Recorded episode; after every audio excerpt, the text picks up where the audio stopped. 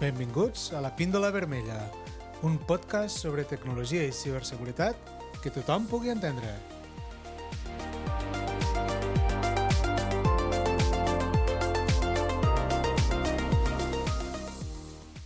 Benvinguts a un nou episodi de la Píndola Vermella, introducció a la protecció de la vida digital. Avui comencem en una història de terror. A més a més, ens pot resultar familiar. Imagineu en Joan. Joan és una persona que, com moltes, no vol complicar-se la vida en contrasenyes. Per això utilitza sempre la mateixa. Sí, sí, per a tot. I, per a no oblidar-la, té escrita esta joia de la seguretat informàtica en un pòstit que descansa tranquil·lament al costat del seu monitor de la feina. Ah, Joan treballa de cara al públic i diàriament atén a molta gent. Per un dia rep un missatge del seu banc. Hem hagut de retornar un rebut de la llum per falta de fons al seu compte corrent. S'estranya, però si em van ingressar la nòmina abans d'ahir. Com pot ser això? Pensa el nostre amic Joan. Decideix comprovar el seu compte corrent i descobreix que el seu saldo del compte està més buit que la butxaca d'un polític honest. Això és dir, eh? Què ha passat? Pues que un ciberdelinqüent sense gaires escrúpols que va passar pel despatx del Joan i va veure la seva contrasenya no es va parar aquí. Joan recorda que el dia anterior havia rebut una trucada del banc dient-li que necessitava confirmar una sèrie de dades per a una auditoria de seguretat. Com que no m'heu vist, ja he fet com unes cometes amb els dits aquí, eh? Auditoria de seguretat. Incloent el codi de seguretat que el banc li acabava d'enviar per SMS. Joan, confiat, què és el que va fer? Doncs pues va donar el codi. Claro, és evident que qui estava trucant no era el banc, sinó el ciberdelinqüent, fent-se passar pel banc. Havia vist la contrasenya del Joan al costat del monitor i no li va costar gaire saber quin era el seu nom d'usuari. Fent una mica d'enginyeria social fent-se passar pel banc, va aconseguir el codi d'autorització per a fer el traspàs dels diners del compte corrent de Joan a una cartera de criptomonedes que era molt difícil de poder rastrejar. Així, el ciberdelinqüent li va poder buidar el compte com que buida un got d'aigua en ple mes d'agost. En aquesta història, volem obrir l'episodi d'avui en què veurem per damunt com protegir-nos en este món digital que està ple de trampes. Perquè al final, si et descuides, la teua vida digital podria cessar de ser més ràpidament que un lloro en una botiga de mascotes dels Monty Python. La vida digital mos obre un món de possibilitats que fa poc més d'una dècada era bastant impensable. Ara bé, com diria l'oncle Ben de Spider-Man, un gran poder comporta una gran responsabilitat. Molts de nosaltres tenim la idea de que, per una banda, tenim la nostra vida normal de cada dia i, per l'altra, la nostra vida digital, quan en realitat de vida només n'hi ha una i mos agradi més o menys la vida digital pues, ha vingut per a quedar-se. I dit això, tornem a la nostra història. Al pobre Joan li han buidat el compte corrent i no té un duro. Ha comès un parell d'errors que són molt més común del que ens podríem arribar a pensar. Però bé, abans de jutjar-lo durament, anem a veure què és el que nosaltres podem fer per evitar trobar-nos en una situació com la que s'està trobant ara mateix el nostre amic Joan.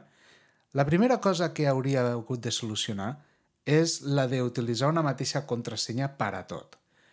Idealment, el que volem és utilitzar una contrasenya que sigui forta i que sigui diferent per a cada servei que utilitzem. Què vol dir una contrasenya que sigui forta? Una contrasenya forta significa que mescle números, lletres, símbols, majúscules i minúscules, etc etc. I per servei, què és el que vull dir? Pues el que vull dir són pues, quan accediu a bancs, a xarxes socials i, bàsicament, a qualsevol altre lloc web o aplicació de mòbil, cuidado, vale? en el que vos tingueu que registrar. I sí, teniu raó. La veritat és que és, és cert, eh? En què teniu raó? Pues que recordar una contrasenya diferent i que a més a més sigui complexa i forta per a cada puesto, per a cada lloc web, pues no és viable. Certament. I és per aquest motiu que existeixen els gestors de contrasenyes. La idea d'un gestor de contrasenyes és que només te calga recordar una contrasenya, que és la del gestor, i les altres se guardiguen a dins, de forma que pots accedir-hi quan vulguis, no?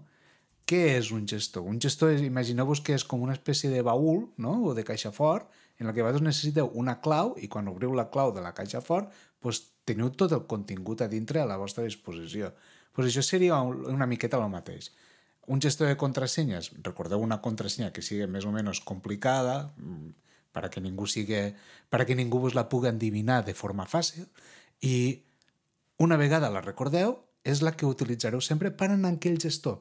I en aquell gestor, quan estigui obert, vos donarà les contrasenyes a tots els altres llocs que vosaltres vulgueu accedir, als bancs, a les xarxes socials, bueno, tots els llocs que hem dit abans, no? Uh, alguns gestors de contrasenyes són KeePass, OnePassword, uh, Bitwarden, el propi gestor de contrasenyes del Mac, etc.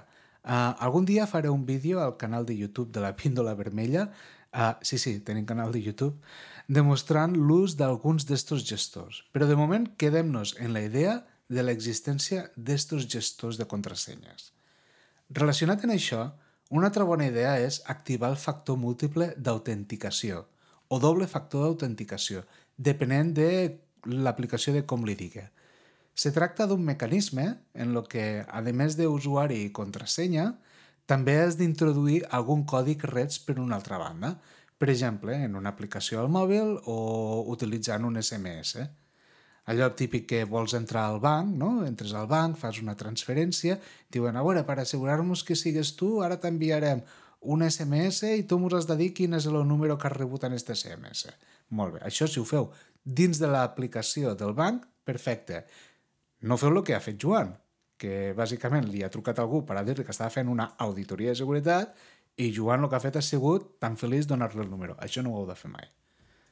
Bueno, la segona cosa que el nostre amic Joan hauria de canviar és bàsicament no deixar els pòstits en contrasenyes a la vista de tothom. A que no deixaríeu escrita la clau de la vostra caixa forta o el vostre número de compte del banc per a que tothom lo pugui veure? pues en les contrasenyes s'aplica el mateix principi, per l'amor de Déu. No les deixem per escrit a la vista de tothom, ok? Baix del teclat tampoc val. Un altre error ha estat caure al parany de l'SMS, el que comentàvem abans. El missatge de text no ha estat enviat pel banc i els bancs, quan se posen en contacte amb tu, ja sigui per telèfon, mail, SMS, etc., no te demanen ni contrasenyes, ni codis, ni res. Esta mena de trampa s'anomena atac d'enginyeria social i és molt important detectar-los. A veure, resumint, què és? Un atac d'enginyeria social el que busca és que faces alguna cosa que normalment no faries. En el nostre cas, Joan el que fa és donar-li al ciberdelinqüent el codi de verificació pensant que la trucada ha sigut del banc. Bueno, amigues i amics, persones tots, així arribem al final d'este capítol d'introducció a la protecció de la nostra vida digital – hem explorat els errors de Joan en la gestió de la seva seguretat digital i com estos errors poden afectar dramàticament la nostra vida quotidiana. Hem après la importància d'utilitzar contrasenyes fortes i diferents per a cada servei, a més de l'ús dels gestors de contrasenyes i l'activació del doble factor d'autenticació o múltiple factor d'autenticació depenent de l'aplicació com li diga. També hem vist la perillositat de l'enginyeria social i com evitar caure en aquestes trampes. Recorda, en el món digital, una simple acció pot tenir grans conseqüències, però estar informat i preparat pot fer tota una diferència. Ara que ja hem acabat, desconnecteu un rato i ens tornem a escoltar al pròxim episodi. Hasta llavors, cuideu-vos i, sobretot, no oblideu riure-vos una mica de la vida, tant de la real com de la digital. Au, atenció i esforçar-se!